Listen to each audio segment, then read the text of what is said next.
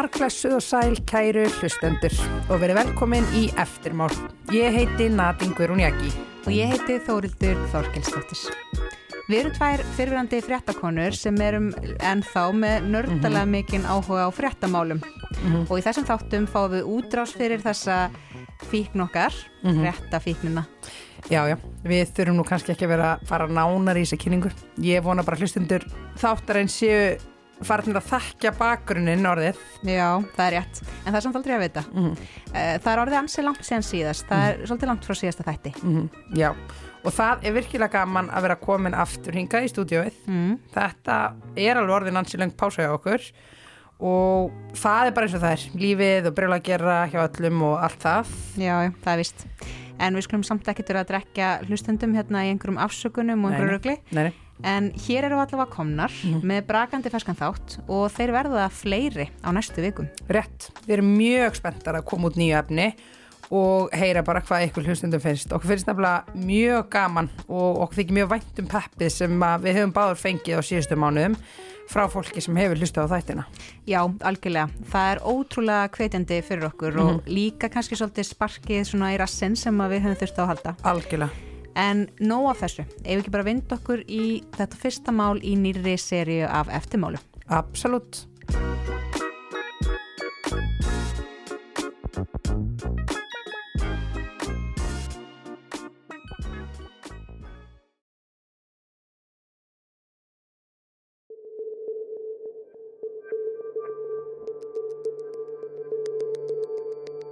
Ég var í vinnunni og svona um tvöleiti þá ringir eldri dóttir mín í mig og segir henni mamma þú verður að fara inn á Channel 10 það er mynd af söndru þar sem hún er búin að ræna banka. Ég, hvað er þetta að segja? Og ég fer í tölvuna og fer hún og það er bara stór mynd bara. Hún horfið bara beint í andlitið á mér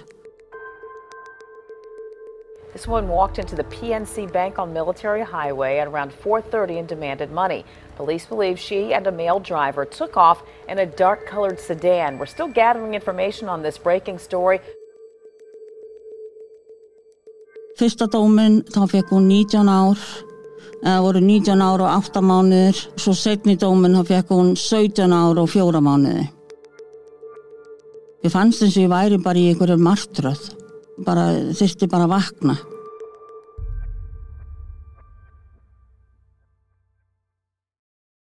Það vekur alltaf aðtikli þegar Íslendingar fá þunga fangelsistóma. Á Íslandi eru þungir fangelsistómar, þar að segja þungir í svona alþjóðlegum samanburði, mjög sjaldgefis. Þingstu dómar sem hægt er að fá hér á landi eru almennt 16 ár fyrir manndráp af ásetningi. Emitt, en við skulum samt að hafa í huga að þó að fólk fái 16 ára fangelsistóm fyrir manndráp, sítur engi svo lengi inni. Nei. Þú veist, yfirleitt er það þannig að gæstu var aldrei dreigið frá og svo situr einstaklingur kannski inni helmingin á domnum í 6-8 ár áður en hann er svo fluttur í opið úræði á vend eða eitthvað slíkt Já. og svo ef allt gengur vel þá losna menn þegar búið er af kannski eitthvað um helming domsins. Já, allt í allt. Emitt. Já, við skulum líka hafa í huga að svona þungir fangilsistómar eru almennt bara mjög sjaldgefir á Íslandi. Það þarf mjög mikið til og mjög sterka sönnunar byrði. Mm -hmm. Og það er meðal annars þess vegna sem þetta mál sem við erum að fjallum henni í dag er svo ótrúlega bara óvernilegt og greip aðtikli okkar bara strax. Já, þetta er nefnilega mál sem ég er búin að vera, vera með á bladi í mörg ár af því að ég sapna áhugaverðum málum á blad eins og lúðun sem ég er mm -hmm. en það er líka áhugavert að það eru bara alls ekki tilneitt margar fréttir af málinu í íslenskum fjölmjölum mm -hmm. en ég ætla að lesa fyrirsögnuna í fyrstu fréttina málinu sem byrstist 16. ágúst 2016 á DFF Sandra Sigrun dæmdi í 37 ára fangelsi í bandaríkjunum Öskrin og gráturinn nýsti inn að beini Í fréttin segir frá henni íslensku Söndru Sigrúnu 15 sem fekk 37 ára fangilsistóm vegna tveggja bankarána sem hún framdi árið 2013. Og þetta er þingsti fangilsistómu sem Íslandingur hefur hlotið fyrr og síðar.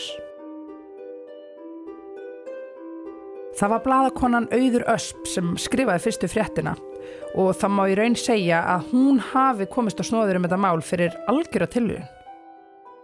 Ég heiti Auður Öskuðumsdóttir og árið 2016 var ég að vinna sem bladamæður á Djefaf.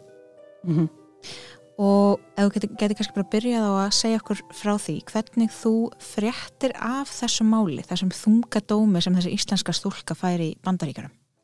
Já, það er bara fyrir hálgerða tilviljun að ég komst á snóður um þessa sögu. Uh, það var þannig að ég var að skrifa svona greina röð eða svona greina flokk fyrir vefinum þar sem ég var að taka viðtöl við aðstandendur fanga og bara kom inn á svona fangilsismál og ég tók viðtal við uh, móður uh, mann sem var dæmdur fyrir vopnarán á Íslandi uh, fyrir svona 2010 mann ekki hvernig það var. Og hérna rætti við hana um hennar reynslu að vera hérna móður manns í, sem situr inni og, og bara hvernig það er og, og hennar upplifun. Og svo liði bara nokkra vikur og ég hugsaði ekkert meira, meira um þetta. Og svo bara einn daginn fór ég inn á greina ég ætlaði að skoða svona kommentakerfi gá hvort það væri eitthvað svona eitthvað næst í komment hann undir. Mm, eins og maður gerir. Já. Og þá ræk ég augun í komment frá konu sem heitir Margaret Fenton Köllumaka Fenton og er sem sagt móðir söndru. Og þar var hún að segja deila sagt hérna bara broti af sinni sögu með sagt, þessari móður, eh, var að beina því til þessara móður. Sérst viðmælandurum í þenni frétt. Já, og var að hérna koma að sinna og hún ætti dóttur sem sæti inn í, væri búin að sita inn í lengi og ætti eftir að sita inn í mörg ári viðbót. Auður var í raun eini íslenski blagamæðurinn sem fjallaði eitthvað um málið þegar ekki? Já, eða í rauninni bara syndið í verðskuldaða aðtikli. Mm -hmm. En þú ert svona eini blagamæðurinn einhvern veginn sem að kafa þér algjörlega onni í þetta mál og varst með rosalega flotta umfjöllun og varst það ekki tilnæmt til blagamænaverðlurina fyrir. Uh -huh. uh, af hverju var áhugningi meiri? Ég held að það sé uh, vegna þess að sko hún er náttúrulega, hún er 100% Íslendingur, fætt á Íslandi og, og allt það en ég held að hafi eitthvað með að gera bara því hún er búin að búa úti svo lengi og fólk horfur meira á hana sem Amerik Amerikana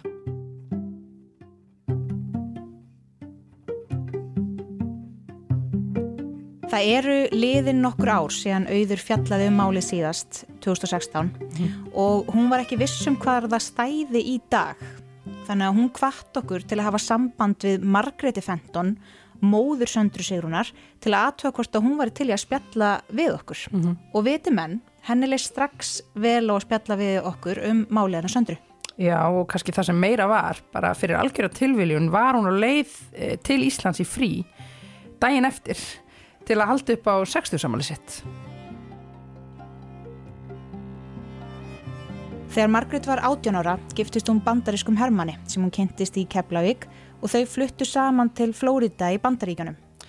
Já og þau egnuðu stótturuna Kristínu árið 1984 og dótturuna Söndru Sigrúnu árið 1989.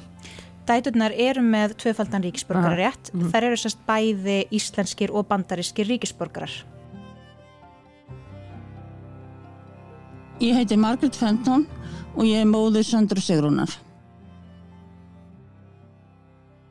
það væri kannski gaman að byrja á að heyra eins hvernig bann Sandra var? Sandra var indalt bann. Hún var mjög dugleg í skólanum. Hún var alltaf, við hérna kölluðum hana þegar hún var lítið, þá kölluðum hana Klingon af því að hún var alltaf með mér, hún var, hún var þess að skuggi minn og var alltaf mjög blíð og góð, var frekar viðkvæm en var oft kvíðinn þannig að hún var kvíðin að fara að sofa hjá vinkonum sínum og vildi helst að þær svæfi bara heima hjá okkur og svona það byrjaði strax á ungum árum þessi kvíði í henni mm -hmm. sem að var svo ágerðið svo þegar hún var í gagfræðaskóla og endaði með því að hún byrjaði að að reyna sig áfram með, með hassi og ímislegu svona til að byrja með bara til þess að deyfa þetta en alveg, alveg upp undir þann tíma þá var hún mjög blíð og góð og það var aldrei neitt vesen á hann, hún kom aldrei seint heim og aldrei neitt vesen á henni En Gekk vel í skóla. gekk mjög vel í skóla gekk vel í skóla og þið alltaf, þið alltaf nánar. Við alltaf mjög nánar og erum það ennþá. Og, og þrátt fyrir það að eins og þú talar um að hún hafi byrjað að kannski reykja hass eða eitthvað svo leysi í, í gagfræðiskóla þá eru þið samt alltaf vel, vel tengdar. já, ég vissi ekki af því í svolítinn tíma. Ok, og einhverjulega vinn sem hjúgrunfræðingur og var alltaf að vinna. Þannig ég vissi ekki af því, var að vinna hérna á kvöldin. En svo komst ég að því og reyndi náttúrulega að fá hana til að hætta og, og allt það. En við vorum samt alltaf nánar mjög nánar og hún sagði mér yfirleitt frá allu sem hún gerði Og hún bjó allar tíð hjá þér. alltaf, þér og pappa sínum. já, já og Kristinu En samband þeirra, að pappinar og, og hennar. það var ágætt hann talar ekki mikið, hann er ekki mikið svona maður sem talar mikið en þau, þau rifust aldrei neitt svoleiðis, þau voru bara mjög góðu kost annað og, og kom vel saman Já. Þannig að fjölskyldu lífið svona almennt bara gott. mjög gott, mjög gott og mjög rólegt heimili og bara mjög óskup eðlilegt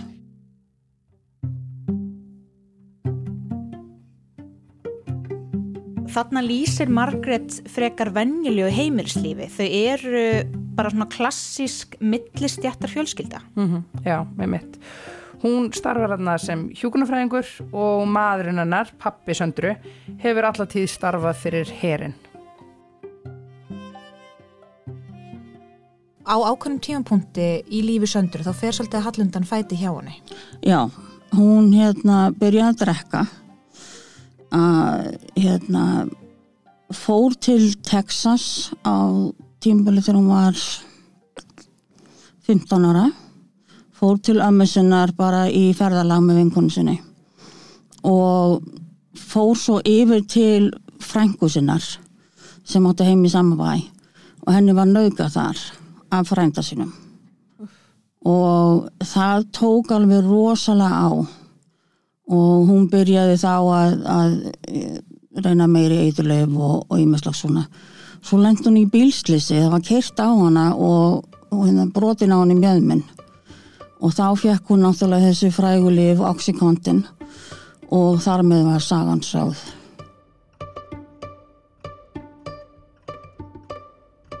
Sko nú er ég nýbúin að vera að horfa á uh, Dópsik. mm Er þetta svona eins og, he- hefur þið séð þá þætti? ég hef séð þá já. Er þetta svona eins og Já. maður sér þetta þar? Mm Í alvöru? þetta er alveg nákvæmlega eins Þú bara gjössalega fellur honni í bara eitthvað svona svarthól og verður bara, bara svart hól og þú bara nærðir ekki ekki, það er bara ekki hægt það er svona eins og ef, ef þú ert með þetta fíkla element í þér þá bara kemstu ekkert Mhm. út úr þessu og þú byrjar alltaf að leita bara í eitthvað sterkara og sterkara. sterkar og sterkar, já Fyrst kemur áfallið, naukunin og bílslissið, svo lifin og neysla.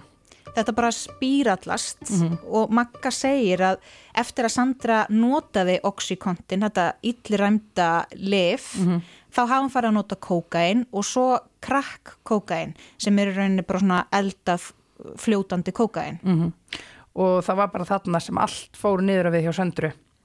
Uh, hún var tekin með eitulif á sér og satt í fangelsi í fjóra mánuði, var það ekki? Jú, ég held að það veri fjóri mánir uh, sem hún satt inni fyrir vörslu fíknefna. Mm þegar hún kom út úr fangisinu þá kynntist hún strák og hann fór, var mest heima hjá okkur með henni og hérna hún verður róleitt eftir hann. Svo hætta þau saman en hún held sér alveg alveg reyni út að, þú veist, fjóra mánuði þannig í fangisinu, út alla meðgönguna og svo tíu mánuði eftir og þá fjall hún og þá fjall hún í heroin sem er það allra vesta ég hef mjög miklar ágjör af henni. Og sagði mitt við hana sko, það er eina leiðin út úr þessu er annarkot fangelsi eða þá dauðin það er engin önnur leið út úr þessu. Það er ekkert hægt að fara í meðferð eða, neitt svoleiðis til þess að ná sér upp úr herjónu allavega er það mjög, mjög erfitt. Það eru fáið sem náði En hana langaði út úr þessu, eða hvernig var auðvitað, henni langaði alltaf út úr þessu og grét mjög mikið þegar hún var, bæði þegar hún var undir áhrifum og eins inn á milli þá grét hún voðalega mikið og, og var að segja sko ég er algjör auðmingi og ég bara get þetta ekki. Og gerði þó nokkuð margar sjálfsmórstilraunir og eina mjög alvarlega sem hún gerði 2013 sama árið hún var, var, var sett inn og þá var hún á sjúkrás í mánuð. Þá var hún á í öndunavél og allt í tvær vikur. Og henni var ekki huga líf. En svo náði hún sér og náði sér aftur á streik en svo fjall hún fljóðlega eftir það. Og hvernig er það svona á þessum tíma fyrir þig? Ég meina, þú, þú, þú getur alveg sagt okkur frá þessu núna en svona tilfinningarnar þegar þú ert að rifja upp og svona, hvernig, hvernig leiðir á þessum tíma? Alveg rosalega bara. Mér náttúrulega var alltaf að hugsa hvað hefði ég geta gert betur? Gerði ég eitthvað vittlaust og en svo reyndi ég að tala bara sjálf um mig á það náttúrulega sýsterinnar henni gengur alveg rosalega vel í lífinu. Hún er með doktorinn í neuroscience og hérna gengur bara mjög vel og þær voru aldar upp alveg eins þannig að þetta, það getur eiginlega ekki verið neitt sem ég gerði í þessu. Þannig ég reyndi bara að hugga mig við það. Og það gekk en þetta var rosalega erfið þetta var bara algjör róleg hóstir bara hvena kemur hún heim? Verður hún eitthvað þá hún kemur heim? Stelur hún einhverju frá okkur? Guðmig og hvert er hún að fara með barnið? Og svona það var alveg þetta var rosalega erfiðu tími. Já, og kannski líka bara kemur hún heim yfir höfuð. Já, einmitt. Eða kem, kemur lagana upp að hörðina til að láta mig vita hún sé hann.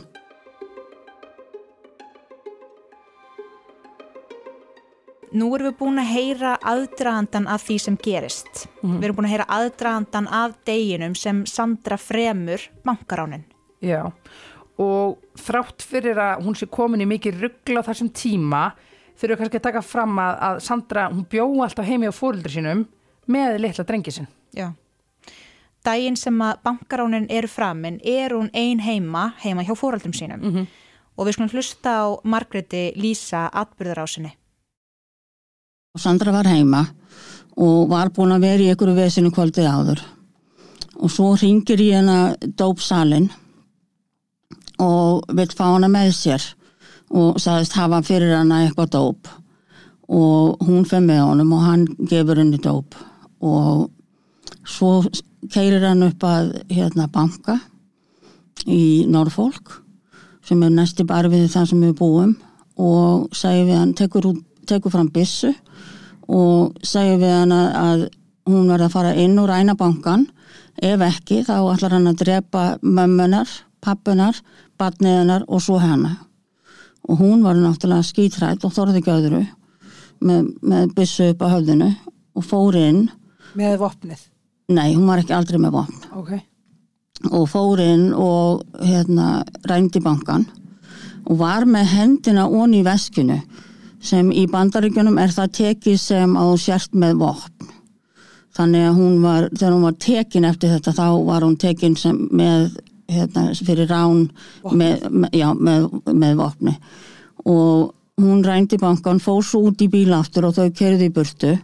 Og svo fór hann hérna, grápaðan hann um að fara með sig heim en hann fór með hana í Chesapeake sem er annar bæri rétt hjá okkur og gerði það sama aftur, hótaði að drepa okkur öll og, og hana ef hún fær ekki inn og hún fór inn og gerði það sama og hérna, svo aftur út í bíl og svo kerðan hann bara heim og hún fekk engan beining út þessu Veistu hvað hún, hvað, hvað, hversu miklu var reynd? Nei, ég var aldrei fengið að vita það. En ég menna þetta var endala bara hjá einum gjaldkerri þetta eru ekki er ekki rosa fjárhæðir. Nei, nei. Hún, Þetta var bara það sem gjaldkerri var með. Mm. og svo fer hún bara heim og hún sopnar hann í eitthvað tíma. Svo átt hún tíma hjá hérna umsjónamanninu sínum sem að frá því hún var í fangisi áður þá var hann í svona skilursportnu skilurssfull trú eða skil, var á skilur já. já, og hérna átti tíma hjá henni klúan fjögur og ég var í vinnunni og svona um tvöleiti þá ringir eldri dóttir mín í mig og segir henni mamma þú verður að fara inn á Channel 10 það er mynd af söndru þar sem hún er búin að ræna banka.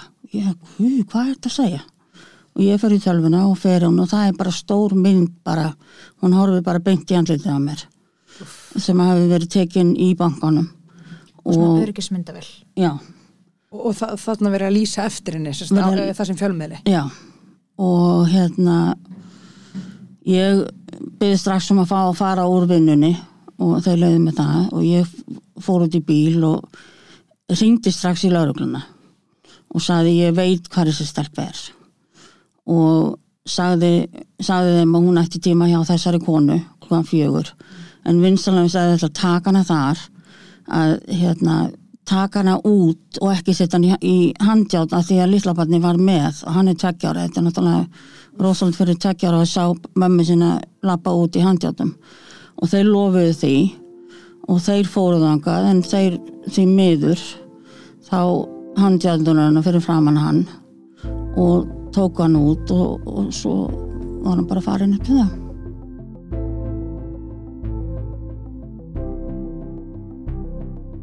Eins og ég sagði hér í upphafi þáttarins þá eru mjög fáar fréttir af þessu máli í íslenskum fjölmjölum. En það var aðeins fjallað um þetta í bandarískum miðlum á sínum tíma, þarna bara sama dag og ránunur framinn. Akkurat.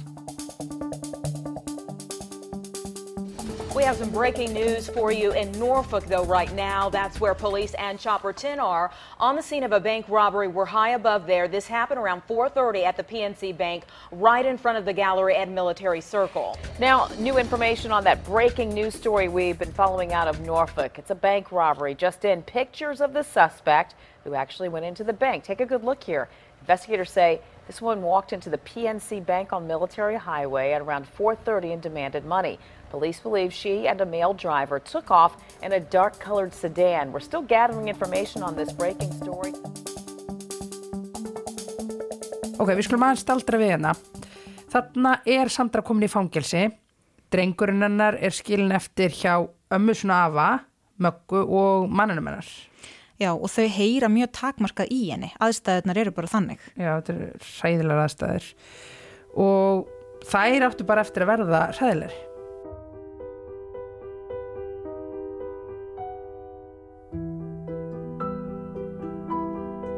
En svo líður og býður og henn er vantarlega útlutaður einhverju lögmaður í þessu ferli. Hún fær vantarlega einhvern svona uh, bara útlutað lögmann, er það er já. vantarlega mjög flóki í bandaríkjunum þetta system.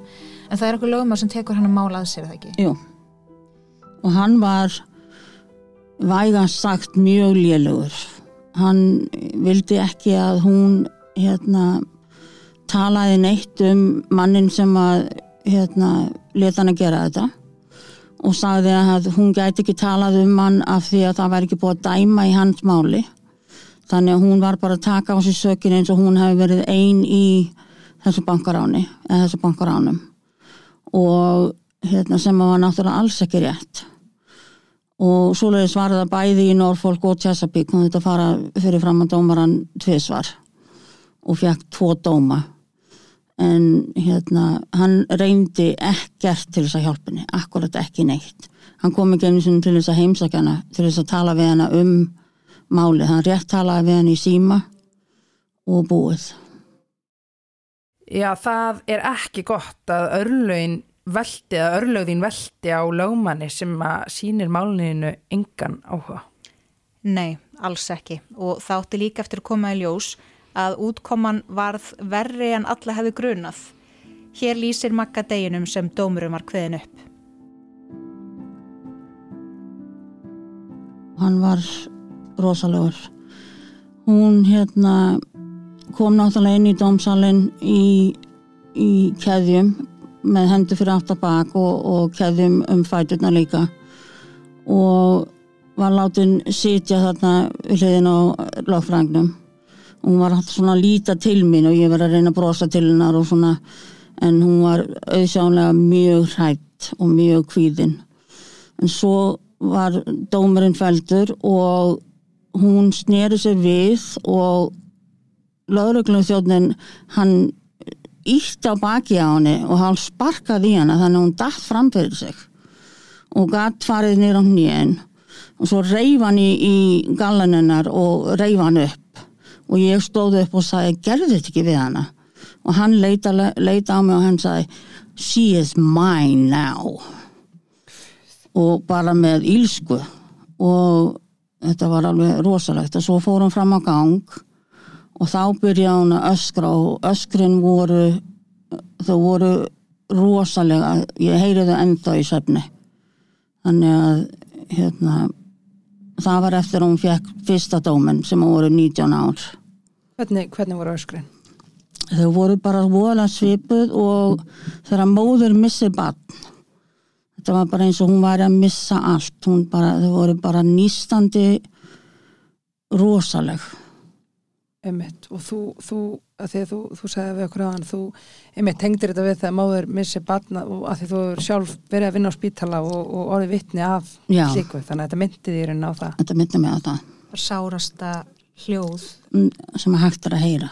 Þarna er í rauninni að ranna upp fyrir henni að hún er að fara í 19 ára fangelsi. Mm og ertu þarna að sjá hann í fyrsta sinn allt þetta ára, eða varstu búin að hitta hann eitthvað fyrir? Ég var búin að hitta hana einu sinni fyrir. Ok, ok og svo fyrir hún hérna eitthvað, ég man ekki hvað langur tími leið þannig að hún fór fyrir framann dómaran aftur í hinu fylkinu, í Chesapeake og þá voru það svipa nema öskrum voru ekki eins, þá voru hún orðin reið.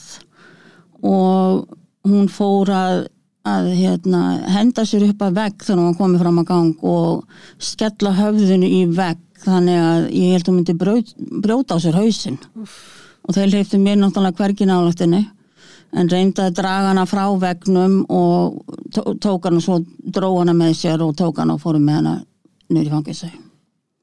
Þarna er orðið ljóst að hún fær þarna 19 ára dóm og svo 17 ára dóm. Já, Af hverju, veg- vegna þess að fyrir sko fólk sem býr á Íslandi og áttar sér ekki á svona amerísku fangelsiskerfi, þá er þetta svo, bara, þetta meika bara engan sens nei, að það, hún sé í rauninni fari e, fyrir tvo mismunandi dómstóla fyrir í rauninni sama málið já og af því þetta var framið á sama degi þá hef ég fundið út síðan að þetta á að vera tekið sem eitt mál, ekki tvö.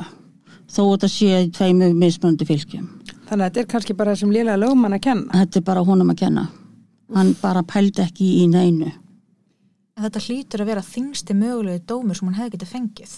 Já, 30 og hvað er þetta, 37 ára eða hvað slæðis? já, 37 ár. Já, en þarf hún að, hún, þarf hún að setja inni all 37 Nei, ár 85% af þessu nema ef hún gerir eitthvað af sér já, þá bætist við þetta var bara ótrúlegt. Ég hérna, ætlaði bara ekki að trúa því. Hún fekk fyrsta dómin þá fekk hún 19 ár eða voru 19 ár og 8 mánuðir. Og svo setni dómin þá fekk hún 17 ár og 4 mánuði. Og bæði skiptin var þetta algjörlega bara bara ótrúlegt. Ég fannst eins og ég væri bara í einhverju martröð. Og bara þyrfti bara að vakna þannig að þetta var bara þetta var bara ótrúlegt.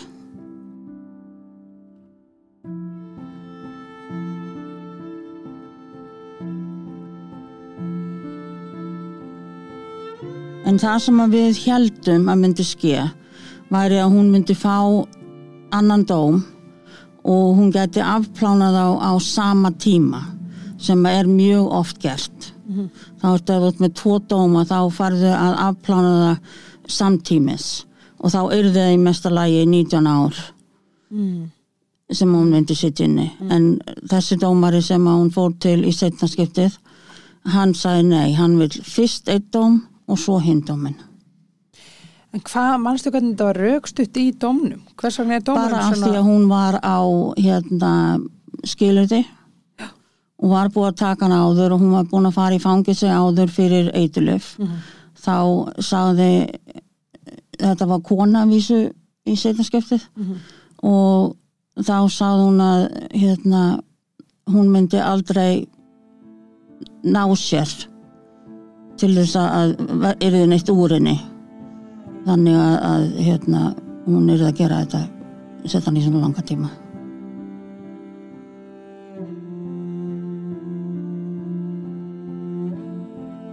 sko, það eru þetta bara fullkomlega órumverulegt að hlusta á þessa lýsingu. Já, bara hvernig getur þetta átti stað í raunveruleikana? Og hvernig bara er hægt að rauksti þetta og standa með svona ákverðin? Þetta er svo óröggrétt. Ég skildi ekki, sko. En Magga segist alltaf hafa trúað lýsingu söndru Sigrunar dóttu sinnar á því sem gerðist. Enda bara engin ástæða til annars. Nei, í raunin ekki sko. Hún viðkendi alltaf að hafa framið brotið, viðkendi alltaf að hafa framið af sér og hún, hún var ekkert að draga undan með það. Mhm. En ok, þarna er hún sérst komin inn í fangelsi með virkilega þungan dóm á bakinu. Og dómskerfi í bandaríkjanum er náttúrulega mjög flókið. Fram að dómsuppkvæningu hafði hún verið í svo kallu jail, jaili. Já. En svo er hún færð í prison sem er í raun allt annað dæmi. Já, þetta er sko eins og þú ert í gæsluvarhaldi og svo fyrir fangelsi. En þetta er bara miklu svona skiptara í bandaríkjunum eins og við náttúrulega sjáum í bíómyndum. En fangelsi sem að Sandra, Sandra setur inn í heitir Fluvana Correctional Center for Women og er stærsta kvennafangelsið í Virginíu. Mm Það er hægt að skoða þetta á Google. og það eru um 1200 konur þarna í fangilsisvist á hverjum tíma. ok, við skulum bara hugsa um þessa tölu. 1200 konur í einu fangelsi. Þetta er ótrúlega mikið. þetta er bara svakalegt. Og þetta er, er það ekki öryggisfangilsi? Jú, þetta er eitthvað svaka fangelsi með við það sem bara ég las á internetinu. Og það er líka hægt að segja að það fara ekki góðar sögur af því, þetta er illramt fangelsi og það segir kannski sitt að bara þar til fyrir nokkrum árum þá var þarna sko death row Mm er ekki, er, var ekki svona eitthvað gangur fyrir konur sem býða bara dauðadóms? Jú, það, það er death row Já. og ég meina það er ekki víða bara almennt í bandaríkjunum, sérstaklega ekki bara fyrir konur Svakalegt.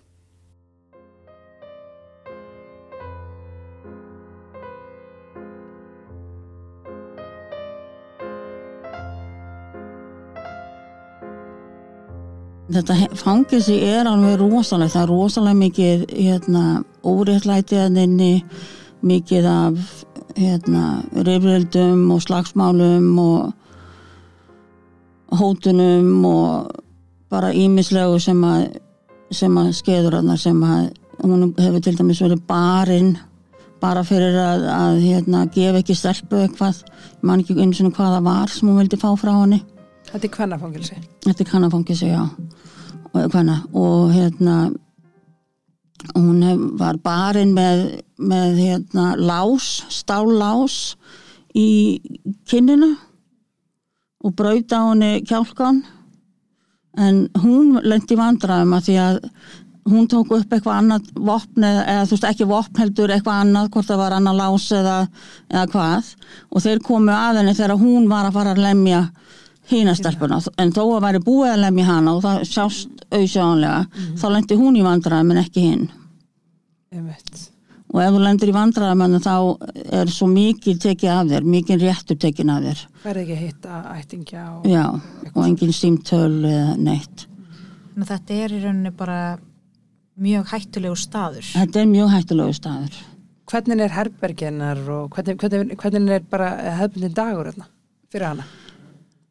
Já, hún er að vinna núna Okay. og vinnur allan daginn frá hálf sex á mátana til fjögur á daginn í hérna skal ég segja er hvað er hún aftur að vinna núna hún er að vinna í svona hálgeri prentsmiði og líkar vel þar og það er gott þegar hún er að vinna en það er svo oft sem að er ekki vinna ef það er of mikið COVID eða ef þeir eru að fara að leita í herbyggjónum eða eitthvað svo leiðis en ef hún er ekki að vinna þá eru dagar alveg rosalegir. Það er- eru vakin klukkan fjögur á nóttunni til þess að fá morgumatt og svo þurfum við búum við rúmið og allt svo leiðis, svo kemur skoðin í herbyggin svo kemur hátegismatur eitthvað um tíu leitið.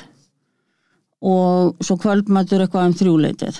Og svo fá þau ekkert að borða aftur fyrir fjögur næsta morgun en hérna dagurinn bara hann bara það er ekkert, ekkert að skeða, ekkert að gera Nei. það er bara hundleiðist og, og bara alveg verið brjálegt Er ekkert nám í bóði eða neina Nei. svona betunar prógram? hún getur farið í nám en það kostar rosalega mikið Mm. það er allt sem hún þarf að gera innan þess að vekja það kostar sem, og, sem að hún á bara að greiða sjálf þá já, einmitt, og sem er náttúrulega þegar það við þurfum að greiða einmitt.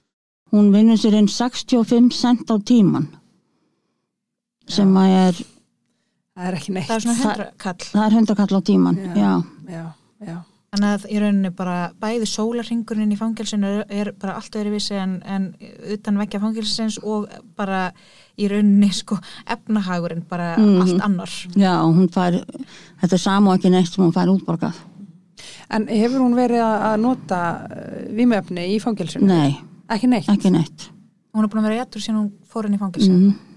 Ok. svo, svo lengi sem ég veit já, já, þú veist ekki betur nei, ég veit ekki betur þannig að einmitt og, og ég meina ef, að- ef, að- ef að hún er allan tekin með fíknefni þá, þá myndir vantilega frétta af því já, já, þá myndi þá ég myndir frétta því dómuru lengjast eða, mm já, einmitt, En þetta fangelsi, þetta er, ég hef búin að skoða þetta eins nefnilega á internetinu og þetta er alveg gríðarlega stórt fangelsi. Þetta er bara svo lítið bæjarfélag á Íslandi. já það er mjög stort, Risastórt. mjög stort og, og þú, þið hafið reglulega heimsótt hana Hvað, er hún er búin að vera í nýju ár? Já, og þið hafið reglulega heimsótt hana við höfum heimsóttana einu sinni í mánuði alltaf nema þegar COVID var þá var ekki hægt að heimsækja.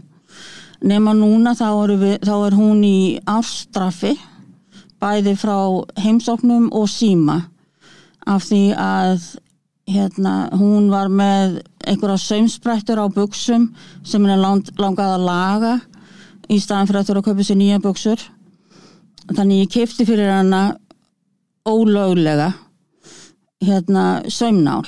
Hvað meinur þú ólöglega? það, hún var að kaupa frá, frá öðrum fanga sem hefðu líklega ekki átt að eiga þessa nál Mm. Þetta var ólulegt í rauninni að eiga innan fangelsins. Já, já, já, já. og hérna svo var komið og gerð leit í herbyggjunum og þeir fundu þessa nál og þa þar með misti hún rétt fyrir öllum heimsóknum og var loka fyrir síman Þannig, í ár, þannig að þið eru ekki að fara að sjá hann í heilt ár í heilt ár Vegna þess að fannst saumnál í klefanum hennar. já, það má ekki gleymast í þessu öllu saman og einhvern veginn það sem situr mest í mér er að Sandra á lítinn dreng. Já, við náttúrulega tengjum báðar við það, við höfum báðar litla stráka. og það er eitt að eiga mömmu í fangelsi og, og annað að ganga alltaf inn í svona styrlaðar aðstæður þegar þú heimsækir hana. Já, og hann náttúrulega þekkir ekki dannað, hann er bara tveggjóra þegar hún fer. Og núna eru bara nýja ár liðin. rosalegt Sko við þurfum að fara eh, í gegnum ansi margt til þess að fara til hennar. Við þurfum að, að, að núna þurfum við náttúrulega að fara í COVID-próf. Svo förum við með okkar hérna, skilríki til einna mannesku sem að eh, skoðar þau, tekum myndir af þeim, tekum myndir af okkur og hérna lætur okkur svo fá það aftur og segir já við megum fara, við erum, hún leitar í tölvu og við séum með réttindi til að fara. Svo fyrir við til annar mannesku og þar er leitað á okkur og við förum í gegnum svona mántæki og eitthvað annað tæki sem við erum að snú okkur í ringi og svo förum við í gegnum nokkra læstar dyr og setjum þar og býðum hangur til hún kemur svo kemur hún og þá megum við taka utan um hana bara mjög fljótlega bara rétt taka utan um hana og svo búið. Og hún til dæmis lendi vandræðum um daginn eða svolítið síðan, sex mánuði síðan. Þá tók hún utan um strákin og hann tók svo fast utan um hana, hann slefti henni og konan kom upp að hann og sagði við hann sko að þú sleppir honum ekki þá verður við refsat og hún sagði alveg þetta er ekki ég, ég er ekki haldið hann og var drullur hætt og hann, hann lóksi sleft henni. En þetta er bara ómannlegt.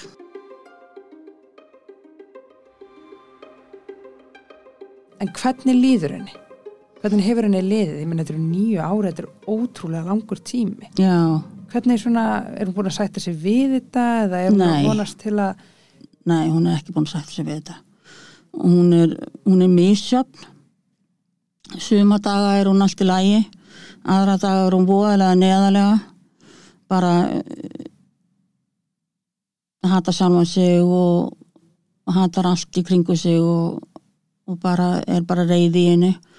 Aðra dag er hún meir og grætur og það er bara vola, það er alveg upp og niður hvernig henni líður. En núna eins og er er hún voðalega neðalega en það, það vonandi lagast En það vantarlega hefur eitthvað með að gera með hérna, þessar breyttu aðstæður eftir að þessum sömnál fannst. já, já það er búið vera erfitt En hvernig hefur verið með drengin? Hvað, hvernig hafið þið útskýrtið allt saman fyrir honum og Ég er eiginlega ekki búin að útskýra það fyrir honum nema bara það að við höfum verið heppin hing- hingað til. Það er búið að vera svo mikið COVID að þeim hjá þeim að það hefur engin mátt var í heimsókn. Þannig að tíminn hefur liðið fyrir okkur þessi ein, þetta er einn og hálfu mánuður eða svo síðan það skeiði að við höfum ekki þurft að útskýra það fyrir honum. En við þurfum að gera það fljótlega og það verður ekkert gaman. Hann verður ábygglega reyður yfir því að mammanar, mammans hafi gert eitthvað vitlaust eða eitthvað, eitthvað ekki rétt og hann verður ábygglega reyður yfir því En eiga þau, eiga þau alveg sérstætt bond þrátt fyrir að Já. hann sé tekin hann þegar Mhm. hann er tvekja, tvekjara. alveg og, Og- tala alltaf saman í síma og, og svona. Einmitt.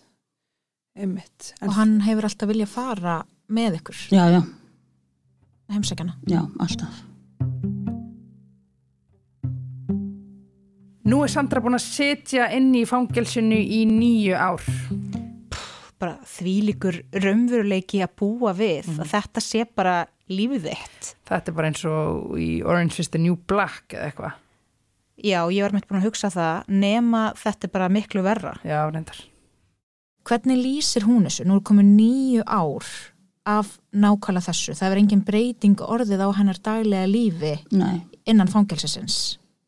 hún lýsir þessu bara sem ömulegu hún sérstaklega voru neðan á stað þar sem hún á ekki neina vinkonur. Hún eignast náttúrulega vinkonur þannig innan vekkjana en ef hún er á stað, hún er alltaf flutt á milli. Ef, ef hún er farin að vera of náin einhverjum og þær eru alltaf saman og, og, og kemur vel saman þá er það fluttar. Það má aldrei vera of náin einum. Já, og hérna það er alltaf erfitt að byrja upp á nýtt í næsta í næsta, í næstu byggingu eða Þannig að það er alltaf verið að flytja hana til innan fangelsisins Mhm. líka. já, Mér finnst smá eins og þetta sem þú ert að lýsa er sko að stefnan í þessu fangelsi sé að vera bara eins vond við fangana og mögulegtir. það er það ég er alveg, alveg Bara refsum þeim, það Já. er bara svona pjúra refsistem, mm engin betrun. Eh, Þú veist, þau vilja ekki að fangatin komi út sem einhverju bættar manneski, Nei. það er ekki það sem er það eru til dæmis AA-fundir þetta en Sandra fær ekki að fara af því að hún á svo langan tíma eftir Ha, þau sögðu það við hana, hún þyrst ekki að fara í AA-fundi af því að hún ætti svo langan tíma eftir af refsingunni fannst bara ekki taka því. nei, það tekur því ekki Ég minn henni. En að það er alls ekki mikið við að vera fyrir hana. nei, alls ekki Þannig að hún er rauninni vaknar, bara fyrir morgumat, fer í vinnu ef að hún kemst í vinnu, en annars er hún bara að láta tíman svolítið líða. mm hún er að les, hún les vola mikið og og ég mislega svoleiðis en og, og föndrar, ég sendi til hennar föndurpappir og, og svona. Það er eina sem ekki sendt til hennar það og bækur. Og hún föndrar og sendir svo heim til okkur föndrið sem hún er búin að föndra. Og, og les og það er búið, það er ekki þannig það er, jú, hún er með sjómarp, Já. einhverja nokkra stöðar En þú segir að hún sé mikið flutt á milli hérna fangaklefa Mhm. og svona álma í fangelsinu, þetta er gríðarlega stórt fangelsi. Og hvernig sko, ef hún er að mynda einhvers svona samband við einhverjar aðrar konur hérna inni, eignast einhverjar vinkonur og, og hérna veri í einhverjum bara mannlegum samskiptum uh, hvernig manneskjur eru þarna inni, hvernig dóma er þessar konur að fá sem að hún er að umgangast? Þetta eru alls konar konur eh, sko allt frá því að gera bara eitthvað smátt af sér upp í að drepa börnin sín og drepa mannin sinn og Það er bara allir gangur að. já, Sko, með við stöðuna eins og hún er núna, losna Sandra úr fangilsinu þegar hún verður 60. 60. 60. Svo við komum aðeins aftur inn á þetta gríðarlega flókna dómskerfi í bandaríunum. Þá eru lögin líka auðvitað mismunandi eftir fylgjum og í Virginíu voru sett lög árið 2000 þess hljóðandi að þú getur ekki fengið reynslulust þú getur ekki áfrýja málunniðinu Þannig að dómurinn sem þú ferð, hann er bara endanlegur, ekki sett? já, eftir því sem við komumst næst. Og það passa líka við það sem að Margret sagði okkur og við það sem að Auður Ösp var búin að skoða, hún skoðaði þetta allt mjög vel á sínum tíma og fór mun dýbra í þetta en við erum að gera núna en þannig að eina leiðin í rauninni til að fá dóminn stittan er að fá náðun, svo kallega náðun eða svona pardon hjá ríkistjóra í fylkinu. Sem er í þessu tilviki Virginia. Og það þarf þá væntalega lögmaður að gera það. Já, það gerir það engin annar en lögmaður, það getur engin fangi bara beðið um það sjálfur. Og kostar væntalega ógríslega mikið. Já, bara lögmannskostnaður í, í bandariska dómskerfinu er bara algjörlega styrlaður. En fyrir nokkrum árum þá fór fjölskylda söndurum mitt í smá söpnun til að reyna að fá lögmann til að skoða málið. Við fengum okkur lagfræðing fyrir hvað þremur árum síðan. Borguðum honum alveg morðfjö og hérna hann gæti ekkert breytt neinu. En við, við vorum að vona að hann gæti breytt eitthvað fyrir okkur fengið þetta minkað eða, eða eitthvað. En það varð ekki. Svo við erum, að, við erum eiginlega að vonast til að geta tala við eitthvað hérna á Íslandi sem að gæti kannski fengið fengið henni framselta til Íslands af því hún er nú íslensku ríkisborgari. Og fengið þá að plána restin af dóminum hérna á Íslandi eða þá að, að losna út eða hvernig sem það væri Einmitt. það var allavega betra að vera hér heldur en úti Algjörlega, ég menna það væri alltaf aðrar aðstæður. mm Og myndi þið þá bara flytja til Íslands? þá myndum við flytja til Íslands Einmitt. Þannig að þetta er eitthvað sem þið fjölskyldan eru að skoða nú Já. þessa dagana. mm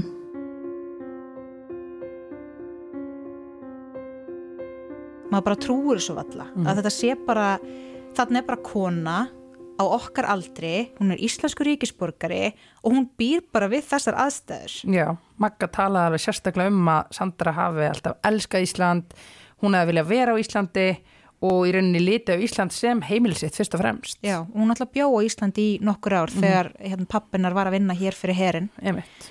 Elst upp hérna alveg í nokkur ár. Já, hún gerir það sko, finnur mjög mikla tengingu. Svo á hún líka stóra íslenska fjölskyldu og þau eru mjög náin.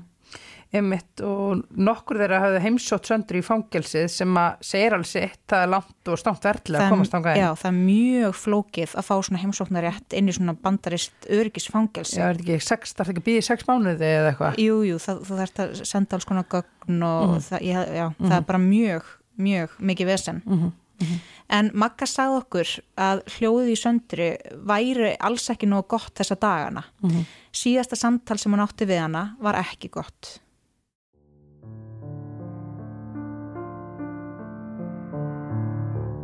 Hún hafi farið til læknis. Hérna út í bæ var tekin til læknis og hérna þegar eru farið, þegar fangarnir eru teknir til læknis þá eru þær bundnar með hendur fyrir aftan bak bundnar með keðjum og lappirna bundnar saman með keðjum og svo hendur og lappir bundnar saman fyr- fyrir aftan bak. Og þegar hún fer til læknis einhvers staðar út í bæ þá eru tveir fylgdamenn með og þeir koma í svona svona ven eða jeppa eða eitthvað svo leiðis og þegar hún er tekin úr jeppanum þá er hún sett í hjólastól. Og svo er henni rúla þarna inn á sjúkrastofuna eða læknistofuna og hérna svo var henni sagt að standa upp. En fangaverðinir áttu að halda í hana þegar hún stóð upp, eiga alltaf að halda í hana þegar hún stendur upp en þeir gerðu það ekki. Og hún stóð upp og flæktist í hjólastólnum og datt náttúrulega beint fram fyrir sig, beint á andlitið steinrótaðist brotnaði inn í kinnbeinið alveg upp í augnatótu og hún er ennþá með vandraði með, með augun sér bara með móðu og var öll marinn og blá og marinn og blá á, á öxlunni og hnénu. Og það var náttúrulega hringt á sjúkrabíl og farið með hana beint upp á neyðastofu en það var ekkert gert í því þó að þeir hafi ekki haldið í hana. Það var bara sagt sorry. Og svo var hún látin liggja þarna á, á fangisinu í einhverja þrjár vikur til þess að hérna hanga til hún lagaðist af öllum marblettum og, og öllu heiraþýstingnum og öllu því. Þannig að hún var að segja mig frá þessu þegar hún ringdi í mig seinast. Það var svolítið sjokkur að heyra það. Fangaverðinu voru bara í símanu sínum. Voru ekkert að pæla í henni. Þess vegna datt hún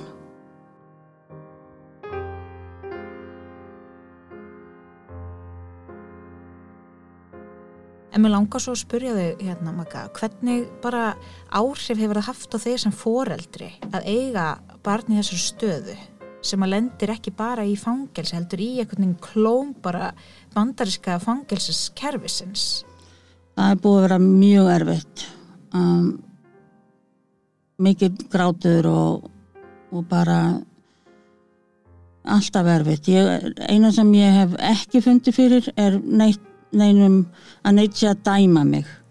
Ég er mjög opinn að segja frá því að hún sé í fangilsi og ég hef ekki fundið fyrir neinum að neitt sé dómharður eða, eða kenni mér um eða haldi að ég sé slæmóður eða eitthvað svoleið sem að búið að vera mjög gott.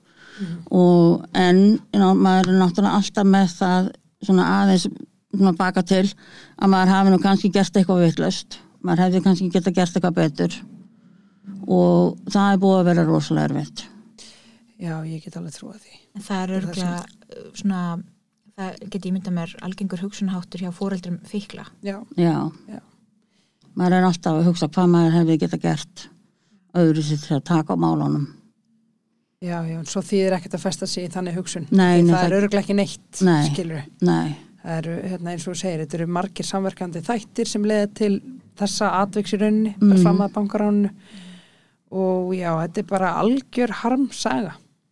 Ég, ég Þetta er verð að segja það. þetta er ef ég var ekki að lifa hana sjálf þá held ég myndi ekki trúinni Nei, þetta er, þetta er nánast þannig, sko. mm Hvernig, sko, vegna þess að þetta er þingsti fangilsdómur sem ég hef heyrt að Íslandingur hafi hlotið nokkur, nokkru sinni.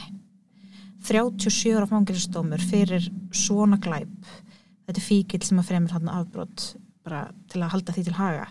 Hvernig bregst fólk við, sérstaklega hérna heima, þú segir frá þessu? Það bara trúir ekki að, að hún sé með þetta veist, þetta langa dóm og fólk úti bara það trúir í engan veginn Nei, þetta er líka skrítið fyrir fólk úti. já, það er bara vá fólk sem er, fólk sem er drepar eitthvað er að fá 12 ár Einmitt. og, Ég meina þetta hljómar í alvörinni bara eins og mannréttindabrót, sko. mm, Þetta hljómar eins og þetta ekki vera hægt, sko. Það er bara eins og það sé verið að, að brjóta á dóttuðinni. mm, mjög svo Það lítur að vera svolítið erfitt fyrir ykkur fjölskyldur að sætt ykkur við það. já, það er búið að vera mjög erfitt að sætta sig- sagt, sagt okkur við það og við eiginlega erum ekkert búin að sætta okkur við það Nei, mitt, einmitt. Við bara erum að reyna að gera það sem við getum til þess að halda, halda henni lifandi núna eins og er að því að hún, hún er svo tæpara Mhm.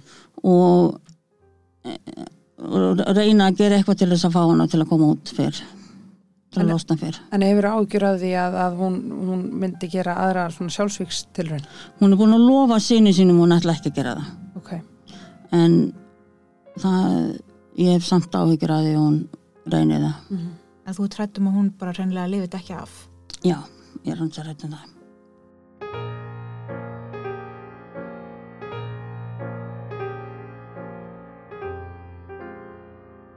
En hvað finnst þér um sko þetta bandariska dómskerfi og fangelsiskerfi þannig að lendur einhvern veginn í þú og fjölskyldaðin lendur bara algjörlega í bara einhverjum hverfil bil í miðjun á þessu mm. Hvað hva, hva finnst þér um þetta kerfi? Mér finnst það bara rosalegt. Það er bara, þetta er bara hegniskerfi. Mhm. Það- Þeir eru bara hegninni á hverjum einasta degi. Þeir eru ekki að gera neitt til þess að reyna að bæ- þú veist, bæta hann upp eða, eða reyna að gera hann að sterkari manninsku eða betri manninsku eða neitt svoleiðis. Þetta er bara ekkert nema hegnun. Og til dæmis þessir fangaverðir sem eru að nynni, þeir eru bara masokist þeir, þeir bara njóta þess að bróta það niður einmitt. Og pína er bara. já, Þetta er bara eins og í bíómyndum. Heyrist það. þetta er nákvæmlega eins og í bíómyndum þessum bíómyndum sem ég hef séð sem eru svona raunverulegar. Þetta er alveg nákvæmlega eins.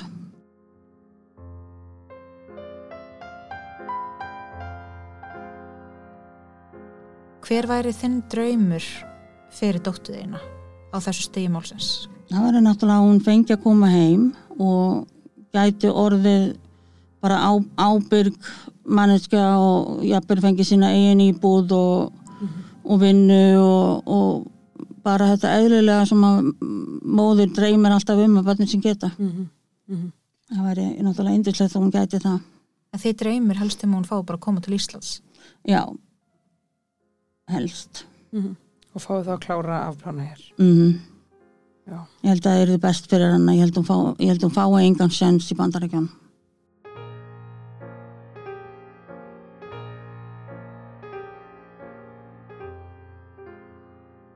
hún er alveg til í að, að gefa það alveg upp þó hún fái aldrei að fara til bandarækjan aftur og þá er hann alveg sama sko já, já, já, emitt ég skil það Þetta, sko, þegar við tökum þetta saman, þessar aðstæði sem, að, sem að hún er í og þið fjölskyldan, þetta hljóma bara eins og að vera fastur inn í einhvers konar martröð. mm þetta er það þetta er það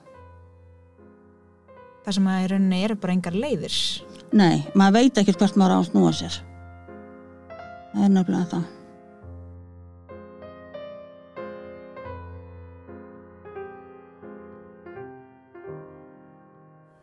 Já, hún Magga sagði okkur líka að hún hefði haft samband við utaríkisraðanitið og dómsmálaráðanitið vegna málsins.